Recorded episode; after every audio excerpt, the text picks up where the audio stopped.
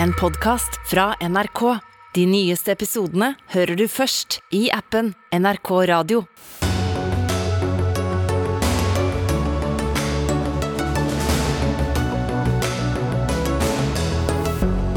I natt kommer Donald Trump til å erklære at han igjen vil prøve å bli president i USA. I hvert fall ifølge forventningene. En krampetrekning, mener en USA-kjenner. Atle Antonsen trekker seg som programleder i P4-program. Komikeren er anmeldt for rasisme etter en episode på en bar i Oslo. Regjeringen vil ha flere nordmenn med teknologiutdanning, og kutter studieplasser innen IKT. Toppen av frekkhet, er Venstres kommentar. Og vi når ikke klimamålene hvis vi ikke er villige til å ofre natur på veien, sier Unge Venstre.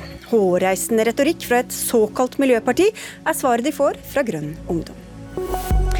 Dette og mer til får du i løpet av den nærmeste timen her i Dagsnytt 18. I studio denne tirsdagen, Sigrid Solund. Og mens vi venter på Trump, eh, kan vi jo spekulere litt. Klokka tre i natt norsk tid har Donald Trump varslet en veldig stor kunngjøring. Og kan dette bety noe annet enn at han atter en gang vil forsøke å bli president i USA, USA-korrespondent Tove Bjørgaas? Nei, Alle tror at det er det Trump skal gjøre i kveld. Annonsere at han for tredje gang stiller som presidentkandidat. og eh, Han antydet også det i slutten av eh, valgkampen foran mellomvalget, at han gledet seg til å komme med denne eh, kunngjøringen veldig, veldig snart. Spørsmålet er jo hvorfor han gjør det nå. Det er jo det alle spekulerer på her nå. Og, og Noen mener at en grunn til det er at han må inn i kampen her så fort som mulig for å forsøke å fylle rommet før noen, noen andre gjør det. Og forsøke å skremme andre kandidater fra faktisk å, å, å, stille.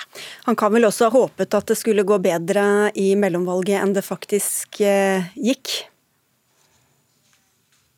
Ja, og det, denne kunngjøringen kommer altså eh, samme dag som det og som det er klart at den guvernørkandidaten i Arizona som vi har ventet på avgjørelsen av, der tapte Trumps kandidat Carrie Lake. Så det betyr at de aller fleste av de kandidatene som Trump stilte seg bak til disse topplassene, bl.a. fire senatsplasser der Trump håndplukkede kandidater var republikanernes kandidater. Alle de tapte mellomvalget. Og Det betyr jo, selv om at Trump selv benekter dette, at han har gjort et svært dårlig mellomvalg. Og at han må kunne frykte at det samme kan skje igjen om, to år.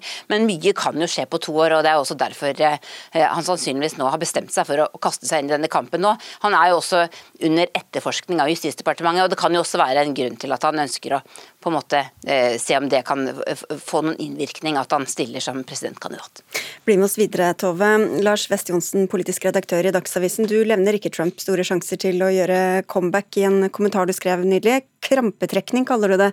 Hvorfor tror du ikke han har så store sjanser? Jeg utelukker ingenting.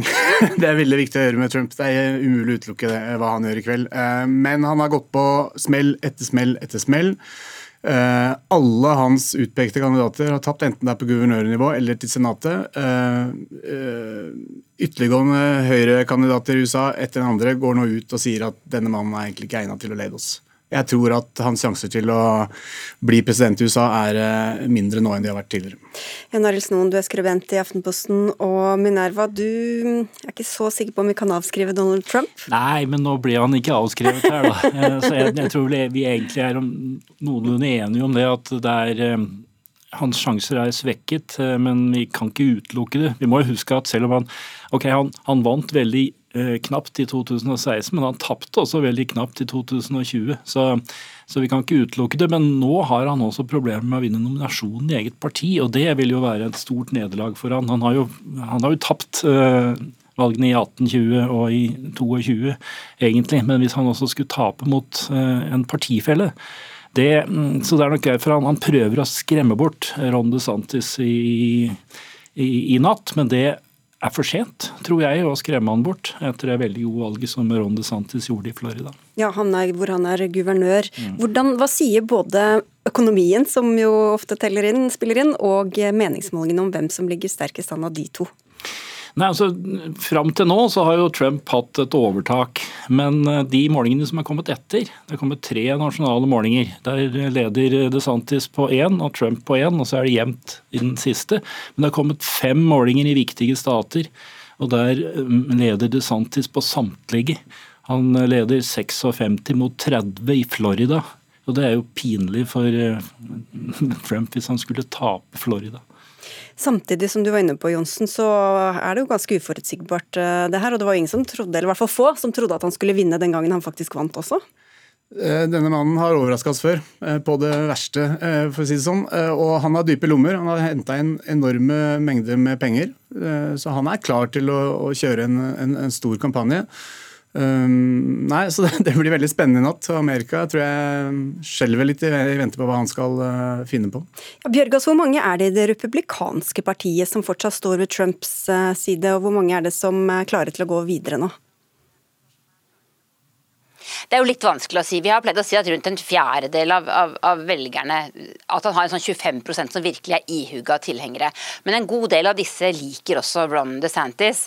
fordi han, han er jo også veldig opptatt av disse kulturkampene. ikke sant? Kampen om hva slags eh, bøker som skal være i skolebibliotek, og, og, og denne woke-kulturen som, som, mange mener demokratene er altfor opptatt av. Eh, men, men, samtidig, så Vi vet ikke hvor mange av dem som har skallet av og som kan tenke seg å stemme på han. Men, det, men Trump har jo også mange, fortsatt mange ihuga støttespillere. Men partiet er jo, favner jo bredt her, og det finnes jo også mange kandidater til venstre for DeSantis som har lyst til å stille som presidentkandidater. Liz Cheney er en av dem. Hun kommer sannsynligvis ikke til å nå opp fordi hun ble jo kastet av eget parti også nå i, i, før mellomvalget. Men det som er DeSantis' problem, er jo at han er jo et ubeskrevet blad nasjonalt her i USA. Han er en eh, stjerne i Florida, han har gjort et brakvalg. Han er ung, han er karismatisk på sitt vis, men ikke karismatisk sånn som Trump. Han har nok bedre selvdisiplin enn Trump, men veldig mange kjenner ham ikke. Eh, de skal nok få bli kjent med han dersom han bestemmer seg for å stille, men, men dette er en kamp som på ingen måte er eh, avgjort. Det er mange her som tror at Donald Trump kan fortsatt bli republikanernes kandidat.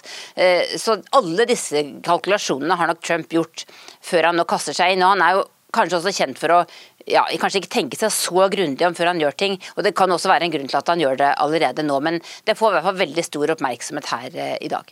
Snoen, det er jo mange som eh, ikke har tatt avstand fra Trump, kanskje av eh, hensyn også til seg selv. Hva skal mm. til for at de faktisk velger en annen kandidat enn en han? De som har sjanse til å bli nominert, det er de som ikke er skarpt imot Trump. Eh, det er de som vil overta hans velgere. Ron DeSantis er et veldig godt eksempel på det. Jeg har aldri sagt noe stygt om eh, Trump, selv om Trump har sagt mye stygt om han. Eh, så, så, så det er en sånn det gjør at de er ikke spesielt modige heller, da, i motsetning til Liz Cheney, som ble nevnt. Men, men hun og også Mike Pence, som nå også går ut skrev bok, går tydeligere ut mot Trump har små sjanser til å vinne nominasjonen. De er ikke når de skal gå videre fra Trump, så skal de ikke ta det store oppgjøret med Trump. Det er de ikke klare for ennå. Jonsen, du var også nylig i Washington og sjekka stemningen eh, hos Demokratene. Hvem er de aktuelle presidentkandidatene på den siden? Nei, det er Biden. Hvis Biden vil, eh, så blir det Biden. Eh, og hvis Trump blir motkandidat, så er de ganske sikre på at Biden kommer til å møte Trump. Selv om han snart bikker 80? Dessverre, eh, vil jeg si. Fordi han, eh, han, virker gammel. og Det er veldig vanskelig å se for seg Joe Biden som president i 2028. Eh, men hvis Trump blir presidentkandidat for republikanerne, så tror jeg Biden blir motkandidat. Han er mannen Fordi han har gjort det til sitt politiske prosjekt å stoppe Trump. Og det er opp til han om han blir presidentkandidat eller ikke. Men Tove, da, da Biden vant eh, valget altså forrige gang, så snakket jo mange om at det var Camilla Harris som kom til å stige fram ved neste korsvei. Men hun er jo blitt ganske usynlig. Hvor, hvorfor er det ikke noen som snakker om henne lenger? Hun er ganske upopulær. Altså, hun har ikke klart å øh, markere seg som visepresident. Det er jo en vanskelig rolle å markere seg i, men ryktene går også om at hun og Biden har et ganske dårlig forhold. Og det er veldig få som tror at hun kommer til å bli eh, demokratenes neste presidentkandidat. Det, det, kommer til å bli et skikkelig race dersom Biden bestemmer seg for ikke å vinne, ikke å stille, unnskyld. Og jeg er slett ikke sikker på at han kommer til å gjøre det. Han sa jo det øh, dagen etter valget at han, han skulle tenke seg nå om fram mellom thanksgiving og jul her. og så uh, ta en beslutning. Det vil selvfølgelig også avhenge av det som skjer i, i natt. Men det finnes kandidater også uh, på demokratisk side som har gjort det veldig bra ved dette mellomvalget. En av dem er guvernøren i Michigan, Gretchen Whitmer. Hun er ung, hun er en terrier, hun er veldig opptatt av abortsaken. Hun er også veldig populær ganske, i mange deler av partiet lenger ut på, på venstresida. Noen snakker om den nye guvernøren i Pennsylvania, Josh Shapiro. Han er veldig fersk, men, men har også vunnet i en vanskelig delstat. Men det er klart, det, det, er, det er, mange muligheter her. Men, men blir det Trump, så, så, tror jeg Lars Fest Johnsen har rett i at da, da, da, er en rematch, altså en omkamp mellom Biden og Trump, det, det partiet sannsynligvis ønsker å, å satse på. Jeg tror ikke det. Og vi har masse målinger som viser at demokratiske velgere ikke vil ha Biden. Det er de veldig tydelige på. Så er det sånn at hvis en sittende president absolutt vil, så er det vanskelig å nekte han det. Men mine penger, eh, bokstavelig talt, er på Gretchen Whitmer, som jeg nevnte her, guvernør i Michigan. Og Hvor mye vedder du på at Trump eh, kommer til å stille som kandidat i kveld eller natt? Nei, det er ganske sikkert. Ganske sikkert. Da tror jeg du har bookmakerne med deg. Takk skal dere ha alle tre for at dere var med. Lars West Johnsen, politisk redaktør i Dagsavisen, Jan Arild Snoen, skribent i Aftenposten og Minerva, og vår egen korrespondent i Washington DC, Tove Bjørkås.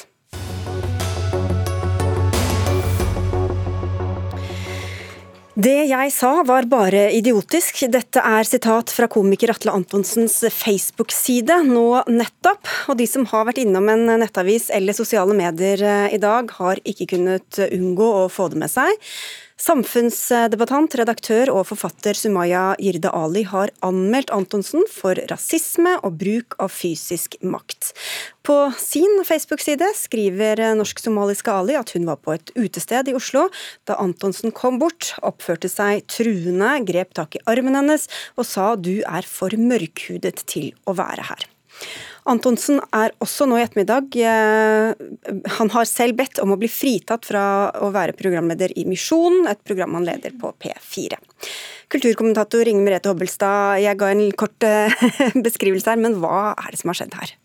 Altså det vi vet er jo at uh, Sumaya Jirde Ali, som er poet, hun er redaktør for det uh, feministiske tidsskriftet Fett og en markant samfunnsdebattant, uh, har jo da, som du sier, beskriver at hun har møtt Atle Antonsen, komiker-skuespiller Atle Antonsen, på byen. Han opptrer aggressivt, nærgående, roper til henne at hun skal holde munn på engelsk, og kommer da med disse ordene at hun er for mørkhudet til å være der, altså på dette uh, utestedet. Uh, og Ali, som vi vet har vært i en utsatt posisjon, hun har vært utsatt for mye hets, det har vært uh, enkeltpersoner som har vært dømt for, for rasisme mot henne, um, synes jo dette er, er en, en, enormt ubehagelig opplevelse, og har jo da nå gått til det skritt å anmelde Atle Antonsen. Og Så kom da denne unnskyldningen fra Antonsen. Eh, nå skal det sies at han eh, strakte seg ut til et forsøk på å si unnskyldning tidligere. Eh, noe som hun opplevde som ikke, ikke tilstrekkelig. Da. Og, en, og, Der han også kalte seg selv for en komidust, og det antyder at det var ment som en morsomhet, det han sa til henne. Og dette har jo virkelig eksplodert på nettet i dag. Nasnin Khan Østrem, kommentator i Aftenposten. Hun har fått veldig mye støtte, og fra veldig mange hold. Hvordan leser du det? Jeg syns det er veldig bra at hun har fått den, den type støtte. Det skulle egentlig bare mangle.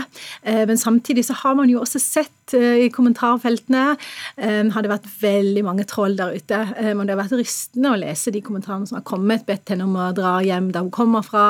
Den typiske sånn rasistiske uttalelser som, som vi er kjent med. Så det syns jeg har på en måte også gjort at man har plutselig sett et mørke som man av og til liker å tro ikke eksisterer, men det eksisterer til gagns. Og det er derfor er det ganske, ganske altså urovekkende at denne hendelsen her faktisk har Eller ikke urovekkende, kanskje det er bra at den har liksom avslørt det, det mørke som finnes der ute også. Ja, Det er mange som har stengt kommentarfeltene som de opprinnelig åpnet for ja. Eh, av nettavisene. Jeg hadde jo håpet at det ikke skulle skje, men uh, det har skjedd. Um, og så Det syns jeg vi skal ta på det største alvor. Og Hun ventet jo tre uker før hun gikk ut med den historien, så hun hadde kanskje ikke forventet å få 100 støtte selv heller? Nei, hun har jo dessverre erfart uh, på smertelig vis hvor tøffe de kommentarfeltene kan være. Um, og det at hun venta såpass lenge, er jo nettopp for hun visste kanskje hva slags storm som skulle ramme henne. Um, så eh, nei, dette, dette, jeg syns dette er veldig alvorlig, rett og slett. Vi har invitert eh, begge to hit. Um, Girdali takket nei, Antonsen har ikke svart. Har han fått noe støtte i dag, Hobbelstad? Eh, altså Det du i hovedsak ser, er jo at, at, det er Sumaya dette på mange måter handler om. på en måte Det er folk som støtter henne, og da selvfølgelig er svært kritiske til Antonsen. Men så ser du også som sagt at det er veldig mye eh, en veldig aggressiv tone i kommentarfelt rundt omkring. Men de handler jo mye mer igjen om, om Jirde Ali enn om Atle Antonsen. Da. At folk, det er mer som om folk ønsker å angripe henne enn å forsvare ham på, på, en, på, en, måte.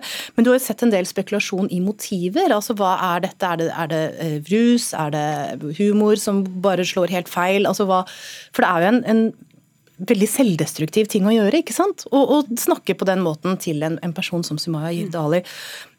Og det vi ser i, i, Antonsens egen unnskyldning her, da, så sier han jo at det var et, som sagt at det var et forsøk på å være morsom. Og det er jo plausibelt, for når man husker hvem Atle Antonsen har vært i, i norsk komedie og i norsk medieverden, da, så er det jo ikke sant, så Når vi husker Tim Antonsen, så var det en, en komedie som var basert kanskje på å skape ubekvemme situasjoner og det, men, men, det er jo på en måte noe helt annet å gjøre det i en sketsj på TV og gjøre det overfor en utsatt person. Eh, Den første beklagelsen hans var jo veldig, altså veldig heldig når han trakk inn sin gode venn eh, Golden dette her. Eh, og da tenker jeg sånn, Hva som foregår mellom han og, Hanna Golden i et privat uh, definert Johan rom. Golden også, ja, fra Nytt på Nytt. Og, ja. mm. Så er det, det, er en helt annen sak, men det å liksom trekke han inn at jeg har tullet litt for mye, og det fikk meg umiddelbart til å tenke på at um, de tilhører jo også en generasjon med komikere som har kunnet boltre seg uten noen korrigeringer som handler om, som handler om rasisme eller um, den type komplisert humor hvor man, man henger ut folk pga. etnisitet og den type ting. Um, så dette er jo også et slags, det er jo en interessant generasjonsperspektiv her, som også kan ha spilt inn uh, når han sier at jeg har voldtatt meg med, med, med Golden. Så det er også um, fascinerende hvordan uh, forskjellig humor blir tolket. Så det kunne lett ha endt opp i en veldig stygg diskusjon om, om, humor, men nå har jo heldigvis Antonsen vært klok og lagt seg langflat. Men hvor lett er det å skille da, hva som bare er dårlig eller grovkorn av humor, og hva som er faktisk ren rasisme? Altså det finnes jo, eh, Vi har jo en paragraf som regulerer hatefulle ytringer, så den, den, grensen finnes jo. Um, og jeg tenker at den, sånn som han oppførte seg her, så var det jo definitivt veldig, veldig hatefulle ytringer han kom mot, uh, mot Sumaya. Nå har det allerede fått noen konsekvenser, eh, Inger Merete Hovelstad, for Antonsen. Hva, hva, mer kan skje, tror du? Altså, det er jo for tidlig å si ennå, men vi har jo sett eh, i den siste tiden at, at man, altså, offentligheten ser mer alvorlig på denne typen saker. Nå er det jo bare en måned siden eh, eh eks-fotballspiller og TV-profil Bernt Hulsker ble dømt til 18 dagers betinget fengsel eh, for hatefulle ytringer for noe han hadde sagt til en dørvakt da han var, var ute på byen. Og Der så vi hvordan oppdrag forsvant liksom over natten da, for, for Hulskers del. Så jeg ser jo at, at, vi er der nå at dette har eh, svært alvorlige konsekvenser for, for, folks karriere, rett og slett. Og, og, at samfunnet er mer sånn, har en, en ryggmargsrefleks. da. I, I, alle fall de som på en måte stemmene som er i offentligheten og som kommenterer dette, dette der. Og så er det jo dessverre da en litt annen tone man ser i, i forskjellige kommentarfelt rundt omkring, som kan tyde på at det er litt forskjellige, eh, forskjellige normskalaer og virkelighetsoppfatninger som preger eh, debatten. Du trekker paralleller til metoo-kampanjen. Kan Østrøm være likhetene der? Jeg tenker Det var jo en hashtag som utløste et ras av um, fortellinger. Um, og jeg har dessverre mistanke om at det Sumaya Yardali har opplevd på byen, er jo nok langt ifra det enestående tilfellet når det gjelder å høre drittkommentarer. Hører, altså de, de, renner jo inn hvis man spør noen som har minoritetsbakgrunn. De, de, de har opplevd samme type hets, kanskje til og med fra kjendiser, men så bare orker man ikke å ta den kampen som Sumaya har våget å gjøre. Um, så jeg tenker at hvis man, hadde, hvis man hadde noen hadde laget en hashtag i dag på Twitter, mm. så tror jeg det hadde, kanskje det til og med foregår mens vi snakker, så tror jeg det vil renne inn. Jeg husker For mange år siden så var det en annen somalisk eh, kvinne som, som lagde nettopp en sånn hashtag, og der rant historiene om rasisme inn. Um, så Norge har Det finnes deler av eh, dette landet her som, som, som har en del holdninger som er høyst tvilsomme, um, som folk får erfare på byen. Og om ikke de har tenkt på det fra før av, så kanskje de får, en, får en, et frø nå. Takk skal dere ha begge to, Inger Merete Hobbelstad i NRK og Nasneen Khan Østrem, kommentator i Aftenposten.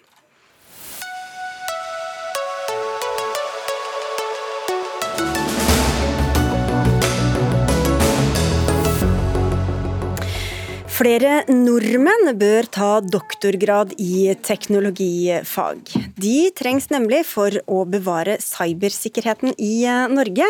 Det sier forsknings- og høyere utdanningsminister Ola Borten Moe til avisa Krono, og snart skal han få utdype her. Men du har registrert at regjeringa samtidig med dette kutter 1500 studieplasser i IKT-fag i årets statsbudsjett, og sier det nettopp kan svekke norsk cybersikkerhet. Alfred Bjørlo, du, du sitter på Stortinget for Venstre. Hvorfor er det så essensielt akkurat nå å satse på disse studieplassene? Eh, først av alt så er jeg eh, glad for at forsknings- og høyere utdanningsministeren setter eh, behovet for flere teknologer på dagsorden. For det er en av de svære samfunnsutfordringene vi vil ha framover. Det trenger vi både i offentlig sektor, vi trenger det i næringslivet, vi trenger det for all den omstillinga samfunnet skal gjennom videre framover. Så det er bra. Men Teknologisatsing handler om folk. Eh, og Da henger ikke det sammen å både si det og samtidig legge fram et statsbudsjett der en faktisk kutter 1500 studieplasser og gjør andre grep som svekker vår konkurransekraft på å få fram sterke teknologimiljø. Eh, og Det er jo der sammenhengen er. at Hvis vi ikke greier å få fram flere folk som kan kan teknologi, som kan være med å bygge sterke teknologimiljø, da går det òg utover vår cybersikkerhet og mange andre negative følger av det på mm. sikt. I en spent situasjon som vi befinner oss i nå? Ja, Vi er jo i en helt ny verdenssituasjon nå. Eh, men det er jo nettopp det perspektivet Ola Borten Moe har løfta fram. Og det er jo det som gjør det så viktig at det er sammenheng mellom liv og lære. Ja, Ola Borten Moe, allerede introdusert. Du ønsker deg altså flere norske teknologer. Hvor mange flere tror du vi får av å kutte studieplasser?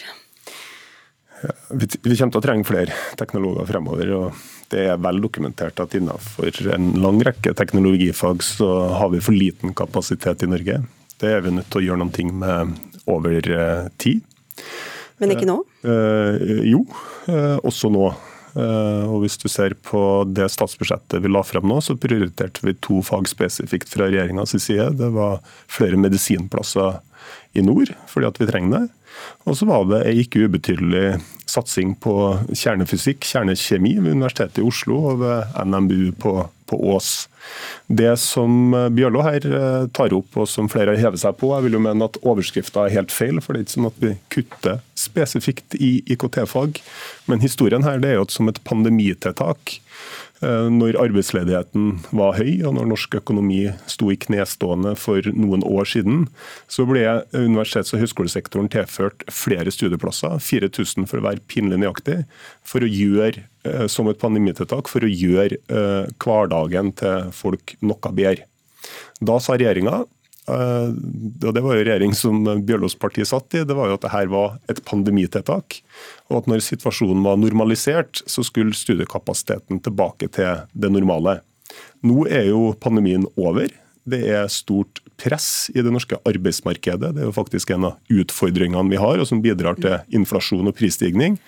Eh, og senest i revidert i, i år så understreka jo også Venstre at nå var pandemien over, okay, nå skulle studieplassene tilbake. jo, men, men poenget, poenget, er egentlig bare sånn hvis man vil ha flere studenter og vil utdanne flere, så virker det jo rart å gå tilbake til et nei, lavere nivå enn det man var på. Nei, Vi skal jo ikke ha flere studieplasser enn det er behov for. Vi må jo tilpasse det. Men så er det sånn at når, når vi nå tar ned studiekapasiteten noe, så var det øremerka til teknologifag når man trappa opp. Men det er ikke øremerka at kuttene skal komme på teknologifagene. Så min forventning til sektoren det vil jo være det at kuttene kommer ikke på de fagene som vi som samfunn trenger, men at det kommer på det som vi kanskje ikke trenger. Og Det er en av de viktigste jobbene som våre universitet og høyskoler har. altså Tilpasse studietilbudet til det behovet som samfunnet har. Og Det kommer jeg selvsagt til å følge, følge opp med dem at de okay. gjennomfører. Ok, ja, Bjørlo. Eh, for det første, det er rett at det var en ekstraordinær satsing under pandemien. Men det var jo en satsing på å sette i gang noen utdanningsløp. Det skulle være midlertidig? Det skulle det være. Men ut fra den planen som var lagt av forrige regjering, så skulle ikke dette trappes ned så raskt som det regjeringa nå har gjort. Det trapper ned før. Og dessuten så er jo det store poenget nå, og det er jo egentlig den viktige debatten Ola Borten Moe har reist. Vi kan ikke si at vi nå er tilbake i en normal situasjon. Vi er tilbake i en ny ekstraordinær verdenssituasjon med et trusselbilde rundt oss som gjør at satsing på teknologi er viktigere enn noensinne. Så ja, det må være en prioritert satsing også. Ja, og hvis det er prioritert også, Du har jo tidligere i andre sammenhenger Bortmo, vært tydelig på at Universitetet i Stavanger ikke har medisinutdanning, du har vedtatt fortsatt studieplass på Nesna. Hvorfor er selvstyret i sektoren så viktig for deg akkurat i denne saken? Nei, altså Stavanger får ikke medisin for at vi får mer igjen for pengene og får utdanna flere. Jeg, jeg, jeg, men, men poenget mitt var, var jeg vet, jeg skulle ikke diskutere, men Det var du som sa at vi forventer at sektoren lytter på oss og, uh, og gir oss det samfunnet trenger. Men du vil ikke si det, men du vil si det i andre Nei, tilfeller. Altså, vi forventer ikke at, som, altså, som regjering og storting så forventer man jo ikke at sektoren lytter, men forventer at sektoren gjennomfører. Det er jo sånn som systemet er i, uh, i Norge. Men la meg da bare kort si at det er ingen uenighet Eh, i det norske politiske systemet, har jeg registrert, i hvert fall, knytta til at de 4000 studieplassene var ekstraordinære pandemien er over, de skal nå tilbake. Så tar du Venstres alternative budsjett som ble lagt fram i dag, og det er et interessant faktum. Men Prøv å være litt kort, for vi, du snakker så lenge av gangen. Unnskyld at jeg påpeker det. altså, eh, Venstre sier nå at de har eh, tilført 1500 ekstra studieplasser, eller 1400 da, på IKT. Det Venstre har gjort, det er å økt fagskolebevilgninga med 1400 plasser. 1400 plasser har altså ingenting med IKT-fag innenfor høyskole og universitet. Det er høyere yrkesfaglig utdanning. Du får ingen grad eller en mastergrad, og det koster bare en brøkdel av pengene. Så her, det her er Donald Duck-penger som Venstre bruker for å skåre et billig politisk poeng. Og de gjorde akkurat det samme innenfor FRIPRO, der man sier 200 millioner ekstra til Forskningsrådet for å gjennomføre FRIPRO. Vel, FRIPRO koster en milliard. Så det er, det er dårlig statsstyring, da. Vi skjønner. Lise Lingsnes Randeberg, leder i Akademikerne. Vi må få inn deg også her, for du leder eh, en organisasjon som organiserer mange teknologer. Hvor hvor stort mangel er det på teknologer i Norge da? Det er skrikende mangel, kan vi si. Og med de utfordringene vi har foran oss nå, så kommer den mangelen til å bli enda større i årene som kommer. Og Det hindrer jo også verdiskaping i andre sektorer og andre fagområder. Hvis vi f.eks. mangler IT-kompetanse, da blir det flaskehalsen. Og Jeg har brukt litt tid på å ringe litt rundt og snakke litt med folk. og Vårt største medlemsforbund er jo Tekna, som har alle teknologene. og Jeg får ganske klar beskjed derfra at de er redd for at vi skal gå på en skikkelig smell. Både på sikkerhetsområdet og på det grønne skiftet. Fordi denne kompetansen er så utrolig viktig. F.eks. så regulering av komplekse energisystemer det er veldig softwarebasert i dag. Da trenger du gode IT-folk. Jo smartere samfunnet blir, jo mer trenger vi den kompetansen, for kompleksiteten øker, og det er spesialistene vi trenger. Så hva slags studieplasser og hvor mange er det du mener det er behov for? Nei, altså Dimensjoneringa den uh, tror jeg universitetene sjøl er best på å få til. Der er du enig med Borten Moe, da? Akkurat på det så, så er vi enige. Mm. Men det er jo viktig å da lytte til det fagmiljøene og de fakultetene som sitter på de utdanningene sier. Og ikke minst den vekselvirkninga man har mot næringslivet. De fleste universitetene har jo godt samarbeid med næringslivet, får tilbakemeldinger derfra hva som trengs på kort sikt og på lang sikt. Og her er det skrikende behov. Vi gjør oss avhengig av utenlandsk kompetanse. Ja, altså det, det, er jo veldig, det er jo helt rett det som eh, akademikerne her, her sier. og eh, Venstre sitt satsing i det budsjettet som er lagt fram i dag, Ola Borten er en reell satsing på både forskning og høyere utdanning. Vi legger inn ekstra midler. Ikke universitet. Nei, det er ikke korrekt. og Det skal vi komme tilbake til. Ja, det, jeg har tatt meg bryet med å gjøre. Ja, det har, jeg, det har jeg også. Det skal vi komme tilbake til. Men poenget er jo det som er er ekstra urovekkende med det regjeringa har gjort, er at dette inngår i en helhet, der du både kutter på eh, studieplasser, eh, du kutter på internasjonalisering av studenter, du kutter på, altså på finansiering av at norske studenter kan reise til utlandet og få kompetanse, pluss at du legger på en straffeskatt på de næringene disse studentene skal ut i, ekstra sånn arbeidsgiveravgift på 7 milliard kroner, som nettopp handler om teknologinæringene og muligheten for å bygge sterke teknologimiljø i Norge. Ja, vi tar det total, totalen her, La oss ta totalen. Mm. totalen er at det aldri har vært eh, større kapasitet ved høyere utdanningsinstitusjoner enn det som var tilfellet i høst. Et rekordstort samordna opptak. Derfor for så vidt heller aldri vært en så stor andel som har fått innfridd førsteønsket sitt. Det vi gjør med dette budsjettet altså for neste år, det er å videreføre den opptakskapasiteten i stort. Og sektoren har en realvekst, riktignok en liten en på 0,3% men selv innenfor et svært trangt budsjett, så viderefører vi og løfter ytterligere fordi at vi mener at det er viktig. På toppen av det så kommer vi selvsagt, når vi skriver tildelingsbrev og når vi har møter med sektoren, så kommer vi til å vektlegge behovet for at man tilbyr det som samfunnet samla sett har et stort behov for. Og Da er det ingen tvil om at teknologifag er eh, blant det aller, aller viktigste. Og så tror jeg, programleder, at, at vi, vi, kommer til å ha denne type diskusjoner innenfor mange felt og områder fremover. Rett og slett fordi at norsk demografi endrer seg. Vi blir stadig flere gamle, vi blir færre som er unge. og Det betyr at vi kommer til å gå tom for folk lenge, og kompetanse lenge før vi går tom for penger. Randeberg, ja. ja. Det jeg har lyst til å si til begge politikerne, det er jo at uh, her trengs det jo eh, langsiktighet og forutsigbarhet, også for, den, for, utdanningssektoren. For det tar lang tid å bygge opp forskningsbaserte utdanningsprogram, og med tilstrekkelig kvalitet til å levere det som samfunnet trenger. Og Da er det viktig at man ikke da eh, Plutselig har man 1500 studieplasser færre neste år. Altså, Det her tar tid. Dette har fem år å utdanne en master i teknologi. Her, her er det lange tidskonstanter. Her trenger vi eh, langsiktighet og forutsigbarhet, sånn at institusjonene vet hva de kan planlegge ut fra. Nå får dere ikke ordet mer. Beklager, altså. ikke du heller, Ola Fortenmo, forsknings- og høyere utdanningsminister. Du må ta med deg din hatt og gå. Uh, takk skal du også ha, Alfred Bjørlo fra Venstre og Lise Lyngsnes Randeberg fra Akademikerne.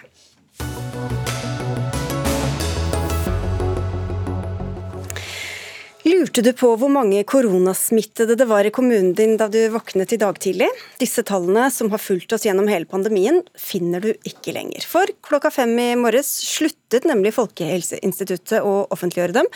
Samtidig som instituttet varsler om at vi antagelig står foran en ny vinterbølge med koronasmitte. Og folkehelsedirektør Camilla Stoltenberg, hvorfor får vi ikke lenger disse tallene?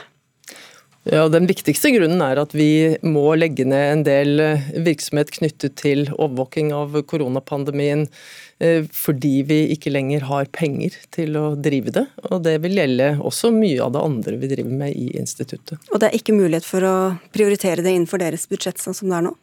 Nei, det er det ikke. Vi er helt avhengig av at eh, alle som har midlertidige stillinger, eh, slutter. Og det er jo selvfølgelig ganske mange som har det i tilknytning til den veldige oppbyggingen vi har hatt eh, i perioden da koronapandemien har stått på som verst.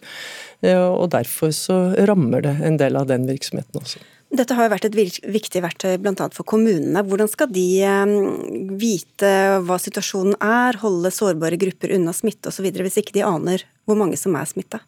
Det er klart at Kommunene vil få et dårligere tilbud, men de vil få et tilbud. Og vi vil se på hvordan vi kan erstatte det enda bedre enn det vi kan i første omgang.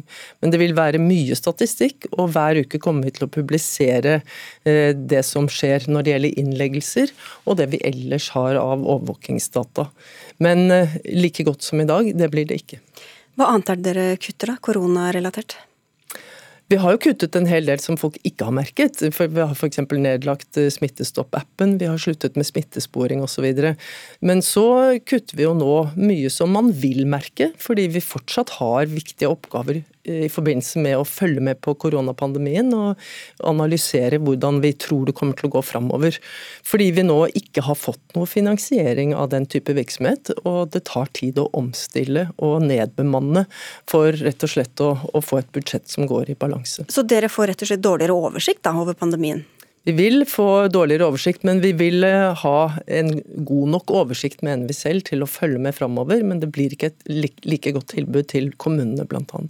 Nå er det veldig mange som er smittet. Eh, strategien smittemessig er vel fortsatt å bare ta vaksiner og holde seg hjemme ved sykdom og vaske hender og alt det der. Hva skal til for å innføre ytterligere smitteverntiltak igjen? Det skal veldig mye til, eh, og vi tror ikke at det blir nødvendig. Men man må jo hele tiden ha en beredskap i tilfelle en sånn situasjon skulle oppstå. At vi får en virusvariant som både er mer smittsom, slik alle de nye variantene er. Mye mer smittsomme enn de tidligere, eh, men også er mer alvorlig. Og skulle det skje, så kan det selvfølgelig bli aktuelt, men vi tror som sagt ikke at det kommer til å skje. Så mange smittede og mange dødsfall, det er ikke nok, for å si det sånn? Nei, det er ikke det. Eh, det kan eh, jo handle også om kapasiteten i helsetjenesten, men eh, vi tror ikke det ligger an til at den blir mer belastet enn den var f.eks. For i forbindelse med den bølgen vi hadde tidligere i år og i sommer. Nå er Det sånn at det er jo mange som har fått tilbud om en er det fjerde vaksinedose. Ja. Det er ikke alle som kan ta det. Mange er sårbare, utsatt for smitte. Hva skal de gjøre i et samfunn som er helt åpent, og hvor det er masse smitte overalt? Det er utfordrende for veldig mange, men det er det også til vanlig når vi har de vanlige årlige influensabølgene, de vanlige årlige bølgene med RS-virus f.eks. Og i år forventer vi at det kan bli mer eh, utbredt både influensa og eh, RS-virus, og kanskje til og med kikhoste. Og det kan komme enten samtidig som vi får den vinterbølgen med korona. Så man må tenke på beskyttelse mot alle disse tingene hvis man er sårbar mot, for, for å få alvorlig sykdom. Og da dreier det seg jo om at man selv eh, hva skal jeg si, passer på å holde seg unna når det er mest smitte, og, og skjerme seg mot det og sørge for at de man er mest sammen med, også er med på å beskytte en selv med vanlig hygiene. Så veldig mye blir jo bare opp til oss selv. Hva med f.eks. en pleie på et sykehjem? Skal hun eller han gå med maske hvis hun eller han da pleier en, en eldre person med nedsatt immunsystem? Det hender det jo at de gjør, men dette er det jo rutine for i forbindelse med både influensa og andre sykdommer på sykehjem, så det er de vanlige rutinene som gjelder. Enda en ny bølge, altså, etter nå det som er ganske mange år med korona. Hva er det viktigste dere har lært? Det viktigste vi har lært, det er ganske mange ting, men det viktigste vi har lært for denne fasen, det er at det er ganske vanskelig å kommunisere at man kan beskytte seg mot eh, sykdom selv om vi ikke har strenge tiltak i samfunnet. Og eh, ja, vi har lært at veldig mange ønsker å vaksinere seg, men når det ikke er en pågående bølge, så er ikke interessen like stor. Så det å huske at man skal forebygge både at man selv og andre får influensa og korona og andre sykdommer ved hjelp av vaksine, det er viktig å holde fast ved. De samme gamle rådene gjelder fortsatt? Det er de samme gamle rådene, men de er veldig gode, og de er viktige. Det var lenge siden du hadde gjentatt dem her i dette studioet, Camilla Stoltenberg. Ja, må øve. Takk skal du ha for at du kom.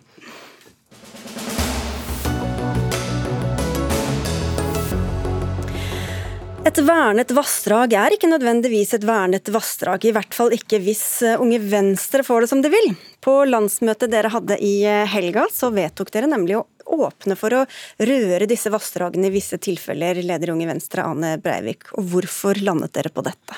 Jeg kan jo presisere at det vi har åpnet for, er skånsom regulering, gitt at det ikke forringer verneverdiene.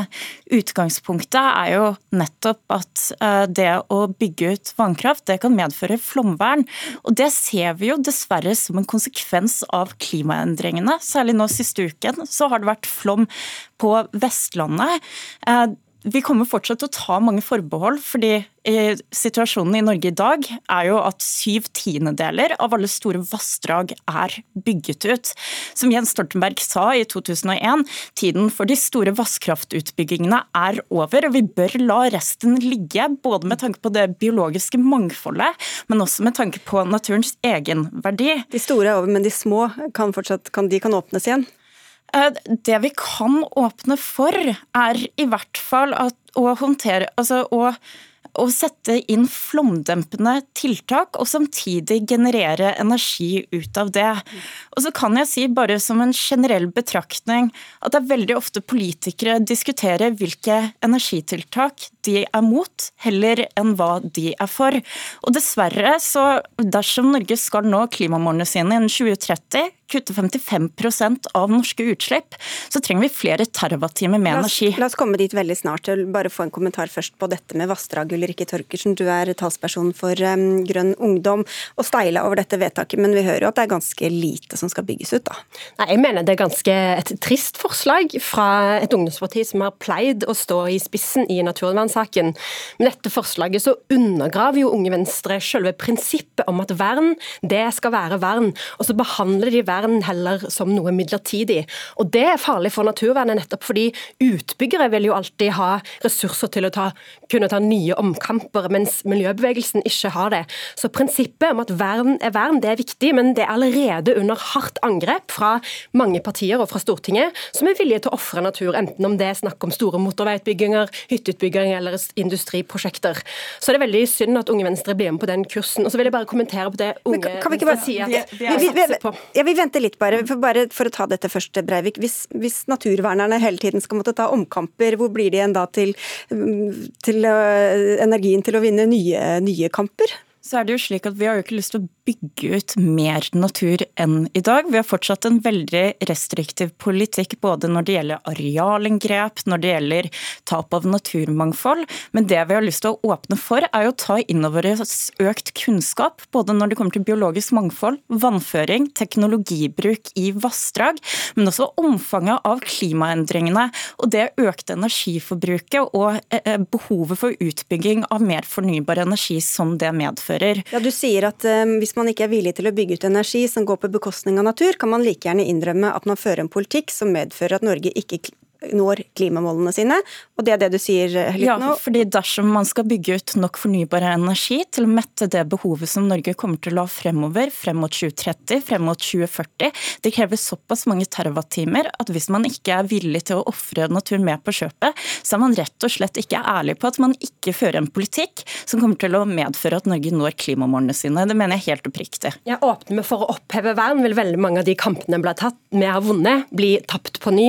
Og jeg mener at Det vitner om en ganske uambisiøs kraftpolitikk, men også en lite evne til innovasjonstenkning av Unge Venstre, når de påstår at man ikke kan nå klimamålet dersom vi ikke ødelegger men, natur. Som nevnt, vi kommer ikke til å hente fra vassdrag. Men, men overordna, Torgersen, så alt, eh, enten det er solkraft eller vindkraft eller vannkraft, så er det jo, det jo, krever jo areal alt sammen? Ja, dette er ikke snakk om å ikke bygge ut kraft i det hele tatt, men det er å oppheve vernet som Unge Venstre går til angrep på her. Og vi har heldigvis mange tiltak i dag som kan gi oss mer energi på en mer naturvennlig måte. og Derfor syns jeg det er litt rart å gå til angrep mot de verna Jo, men vi, vi, vi lar de verna vassdragene ligge nå, men tenk hele den konflikten natur versus uh, energi, som jo er en stor uh, potensiell konflikt. Og dere vil jo kutte klimagassutslippene enda mer enn det regjeringa legger opp til. Og da krever man jo enda mer kraft for å elektrifisere enda mer. Og hvor skal den kraften komme fra?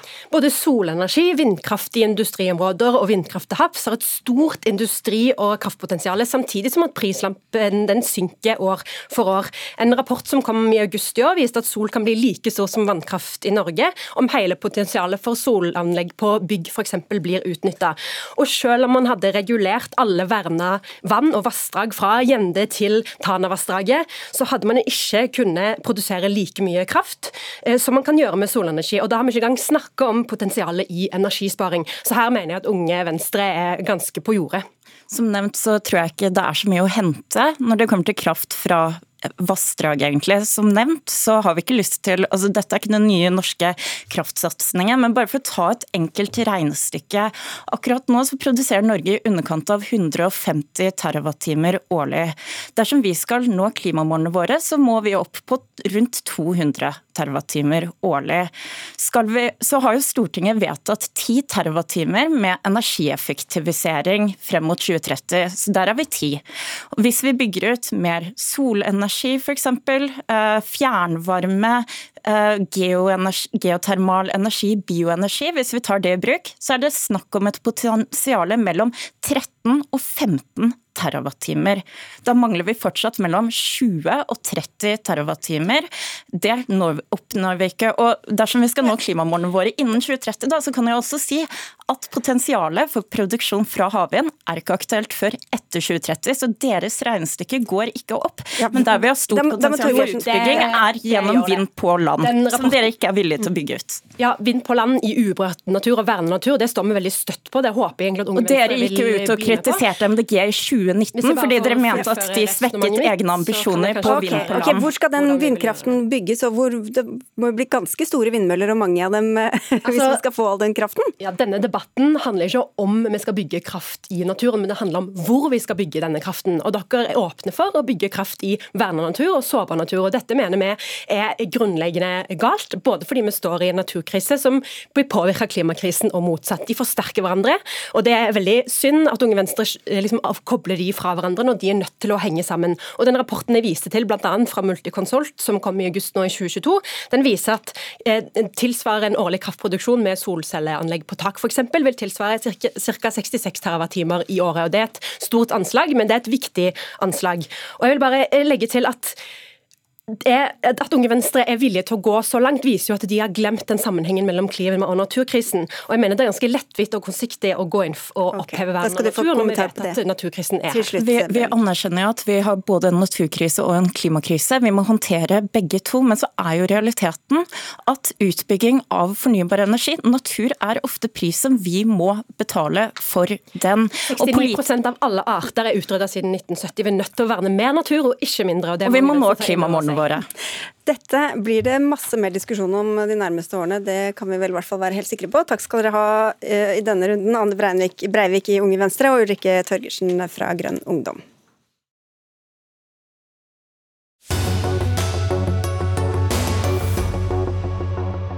Flere hundre tusen nordmenn har fått eh, diabetes 2-diagnose, en alvorlig sykdom som også kan forkorte livet med mange år. I tillegg koster det samfunnet enorme summer. På verdens diabetesdag i går skrev du om dette i Nettavisen, Fedon Lindberg. Du er lege og driver en egen klinikk der du bl.a. behandler diabetespasienter. Du var jo selv med på utformingen av de nasjonale retningslinjene når det gjelder behandling og diagnostisering av diabetes 2. Hvordan bør disse pasientene behandles? Altså, eh, for det første så Generelt sett så anbefales det jo sterkt også fra da i retningslinjer at man tilbyr dem en uh, intensiv koster- og livsstilsbehandling, eller et opplegg, som er strukturert og som varer minst seks måneder. Den anbefalingen har vært der siden 2016. Men så ble det i 2019 så ble da uh, disse retningslinjene revidert fordi det kom en stor studie i England som viste at Eh, type 2, pasienter med type 2-diabetes eh, som da gikk ned i vekt eh, på relativt kort tid. Det er også viktig i så måte for dette. Det er at de halvparten nesten av de som deltok i studien, som hadde hatt sykdommen i, opp, opp til seks år, de kunne få sin sykdom reversert, slutte helt med medikamenter, slutte også mye mer med medikamenter som går på kolesterol og blodtrykk osv. Og de som gikk faktisk litt mer ned i vekt enn gjennomsnittet, altså 15 kilo eller mer, da 86% av de da ble diabetesfri. Og det varte også uh, ganske mye også etter to år, for den studien har jo pågått. Og Sånn er jo retningslinjene, som også Helsedirektoratet står inne for eller anbefaler. Men hva savner du da fra offentlige helsevesen når det gjelder oppfølgingen av dette? Fordi det tilbys ikke. Eh, man anbefaler egentlig at noe skal tilbys, og det ender opp med at det man tilbyr er jo medikamenter, utstyr og hva det måtte være. Det brukes jo ganske store ressurser eh, i samfunnet eh, for eh, type 2-diabetes, for ikke å snakke også om fedme, som koster kanskje 170 milliarder per år. Så, så eh, det, det, som er egentlig det triste her, det er at det finnes gode anbefalinger som ikke blir tatt eh, til følge og ikke fører til noe.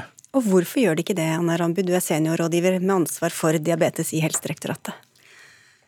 Um, ja, først vil jeg si at eh, Vi er veldig glad for at eh, Lindberg eh, løfter denne problemstillingen og får det på agendaen. For vi er um, enig med han i veldig mye av det han sier.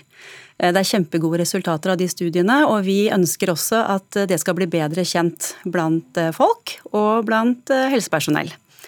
Um, og så er vi ikke helt enig i at uh, ingenting blir gjort og at det er sånn helt uh, håpløst. Um, fastleger kan gi et, uh, gir et veldig godt tilbud til pasienter med type 2-diabetes, og kan, gi, kan, hjelpe til med disse tiltakene for vektreduksjon. Um, og også mer intensiv vektreduksjon, som er det som har vært et tema her, som er diabetesremisjon. Men Hvor mange er det som får tilbud om dette, hvis du har noe slags sånn prosentanslag? Nei, vi, vi, har ikke noen tall på hvor mange som får et tilbud. Men vi må skille da, mellom det som er en sånn diabetesremisjonforsøk. Ja, det er det som, raske, raste vektnedgangen ja, som vi hørte om her. Som han har beskrevet veldig godt i den kronikken, i den Direct-studien. For det er, et, eh, det er en veldig si, dramatisk eller veldig tøff behandling. Da skal man gå veldig mye ned i vekt, ha veldig lavt kaloriinntak over tid. Og vi er litt opptatt av at vi må også formidle at selv om det er veldig viktig å få fram at det er en mulighet, så er det også noe som ikke er for alle. Og vi kan ikke forvente at alle skal ville det eller klare det. Ja, når vi vet hvor vanskelig det er å bare gå ned tre kilo, Fredon Lindberg, så Faktisk er det utrolig nok så er det mye lettere å gjøre det her i et strukturert opplegg. Det som er alltid utfordringen, det er å holde å vedlikeholde dette. Men denne studien, som da ikke tilbyr noe særlig intensiv oppfølging etterpå, kunne vise at 36 eh, 46% Det er 46% av hele gruppen som ble kvitt eh, sykdommen. 36 fortsetter å, å, gjøre dette her etter to år. Så, så, jeg sa for øvrig ikke at det ikke gjøres noen ting, bare at det som gjøres er primært medikamentell behandling. Altså de får blodtrykksmedisin f.eks.? De får blodtrykkssenkende, blodsukkersenkende, kolesterolsenkende midler. ikke sant? Det gjør de, og det gjør jo fastleger på en god måte. Men at man tilbyr eh, god nok livsstilsbehandling, det kan jeg garantere at det ikke gjør. Hvorfor får ikke flere finansiere da, dette tilbudet, Ramby? Ja, altså nå er det 80% av befolkningen i Norge har en tilgang til en frisklivssentral i sin kommune.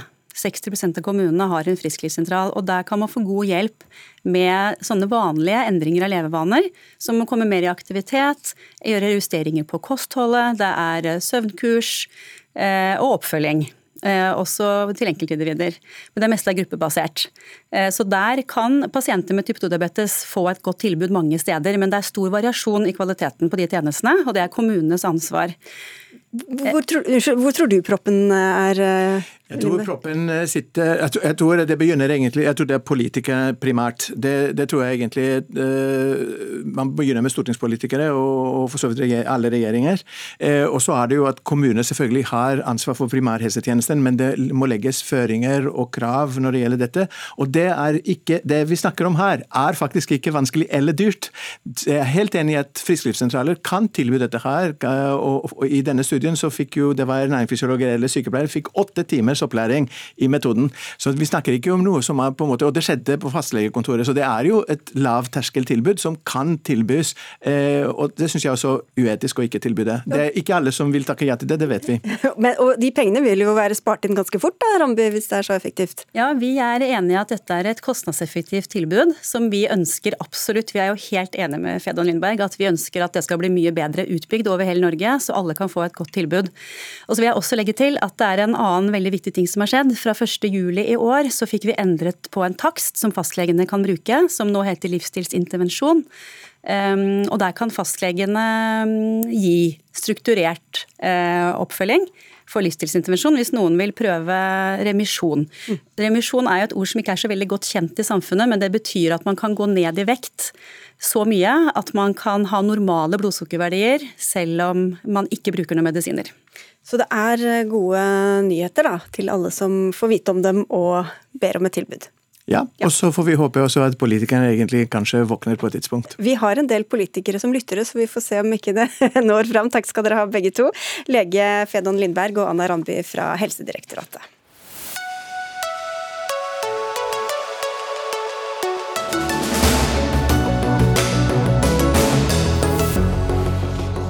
Fotball-VM i Qatar er nå bare fem døgn unna. Da starter det mest omdiskuterte VM-arrangementet noensinne. Bakteppet er at migrantarbeidere i tolv år har ofret liv og helse for å ruste Qatar til verdens største idrettsmesterskap. NRK og TV 2 har senderettighetene til eh, fotball-VM, og du avlegger begge en visitt i side i Aftenposten. Sara Ude Hasle, du er nestleder i Vestfold og Telemark eh, Sosialistisk Ungdom, og får vi legge til fotballentusiast. Du sier at mediehusene driver med moralvasking. Hva mener du med det? Ja, Vi mener jo ikke at eh, NRK og TV 2 driver med sportsvasking, men vi mener at dere driver med moralvasking. Fordi dere rettferdiggjør eget eh, fotballengasjement ved å dekke fotball-VM, samtidig som dere skyver dette bak NRKs samfunnsoppdrag om å dekke baksiden av VM. Der mener vi at det er festtalepropaganda. Fordi Fredrik Solvang sa på Debatten at NRK og TV 2 har brukt omtrent 100 millioner kroner på å skaffe seg lisens til VM dem. Og det er neppe eh, i nærheten av det dere bruker på å dekke baksiden. Hvis han har sagt det, så får vi tro det er sant. Eh, NRK og TV 2 har sammen laget en forhåndsreklame for VM-sendingene. Vi skal sende et lite utdrag av den. Fotball. Det vakre spillet. Fotball. Det skitne spillet. Ei perfekt pasning i bakrom. Penger Propaganda. Maktmisbruk. Menneskerettigheter. Ja, Hasle, her var det jo litt av hvert, da. Er ikke det sånn virkeligheten er? Jo, altså det er veldig bra at NRK prøver å gjøre det bedre, men det hadde vært enda bedre hvis dere prøvde å gjøre det bra. Ved å f.eks. bruke like mye tid, penger og ressurser på å legge maktpersoner i Fifa og Qatar under press. Nå høres ut som du sitter og snakker til meg, men det er jo egentlig deg hun henvender seg til, eh, Espen Lang Olsen Langfeldt. Du er redaktør for NRK Sport. Hva sier du til å bli beskyldt for moralvasking? Nei, Jeg, jeg syns at det uttrykket får stå for hennes egen regning. Eh, men det er jo riktig, hun som, som hun sier, at eh, vi har et samfunnsoppdrag om å avdekke kritiske, kritikkverdige forhold.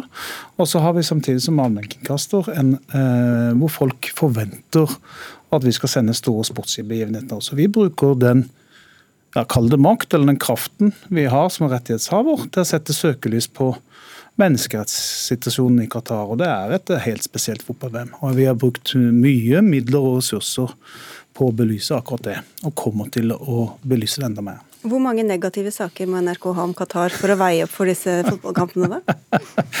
Det er et uh, godt spørsmål, men vi har altså mål at vi skal vise begge sider, som denne traileren uh, som vi har kjørt sammen med TV 2 viser. At vi skal vise begge sider av mesterskapet. Det for sportslige og det politiske og menneskerettslige. Hasle? Ja, jeg syns det er en litt uh, hul begrunnelse, fordi tildelingen skjedde i 2010.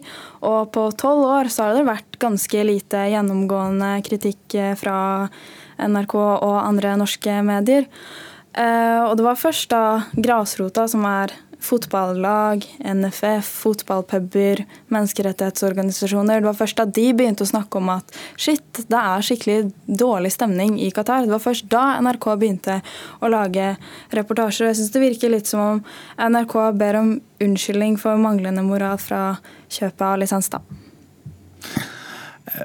Jeg kan igjen være enig i at vi vi, i likhet med, med mange andre medier, var for seint på banen i forhold til å belyse hva som skjedde før tildeling av dette mesterskapet, og det som gjorde det. Men uh, jeg syns ikke det er sånn rettferdig. Vi skal få ta, få ta, kritikk for det vi gjør nå. Uh, men dette, var en vurdering, dette er en vurdering som vi har tatt. Vi har vurdert også boikott, eller uh, hvordan vi skal for, forholde oss til dette mesterskapet. Og så har vi landa på at vi skal belyse begge deler. Og så er det jo fritt opp til hver enkelt å se på dette eller ikke. Men vi mener at man kan se på dette med god samvittighet, men man skal sette seg inn i de samfunnsforholdene som er. Hvis man ikke vil det, da? Hvis man bare vil se kampene?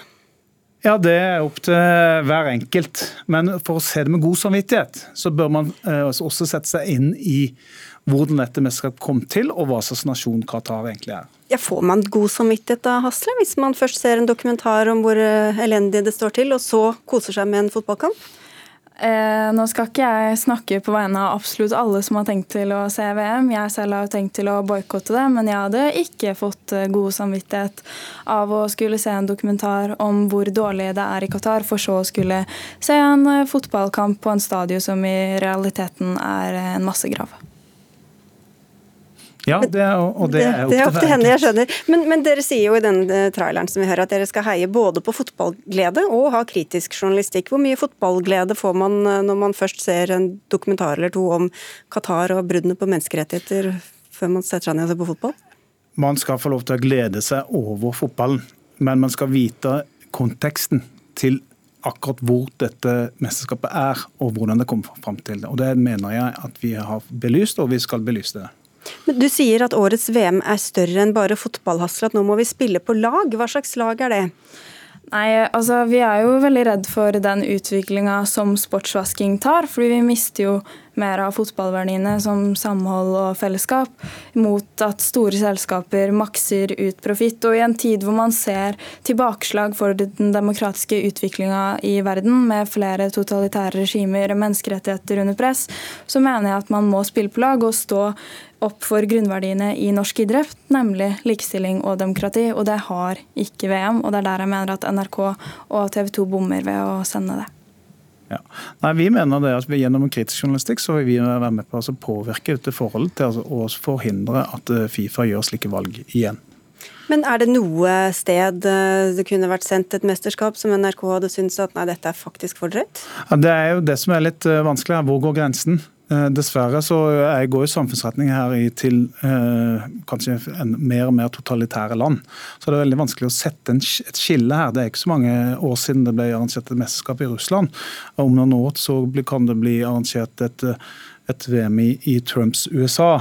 Så det er, det er akkurat hvor går grensen for hva som er akseptabelt og ikke er akseptabelt. som ja. Og Hvis man ikke hadde senderettighetene, så hadde det kanskje vært litt færre kritiske saker om uh, vertslandet også? Eh, ja, i hvert fall fra kanskje norske medier, tror jeg. Jeg mener jo at eh, hvis man ikke hadde sendt VM i Norge, så hadde det jo ikke vært mulig å se det på norske medier. Det mener vi at det hadde vært eh, det beste. Men at man fortsatt hadde satt seg inn i eh, hvordan Fifa og Qatar har drevet for å lage VM, da. Ja. ja. Nei, altså Dette er jo litt poenget. At vi bruker, bruker vår posisjon som rettighetshaver til å belyse disse forholdene i Qatar. Mm. Og da er det fem dager til. Da kan man se på Er det kamp på TV 2 og dokumentar på NRK, eller hvordan var det? Nei, i morgen er det en dokumentar på Da er Urix spesial via til fotball.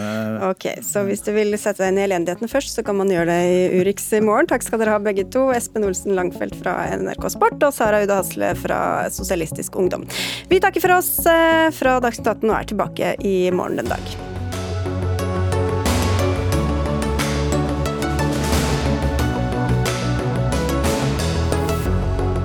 Du har hørt en podkast fra NRK. De nyeste episodene hører du først i appen NRK Radio.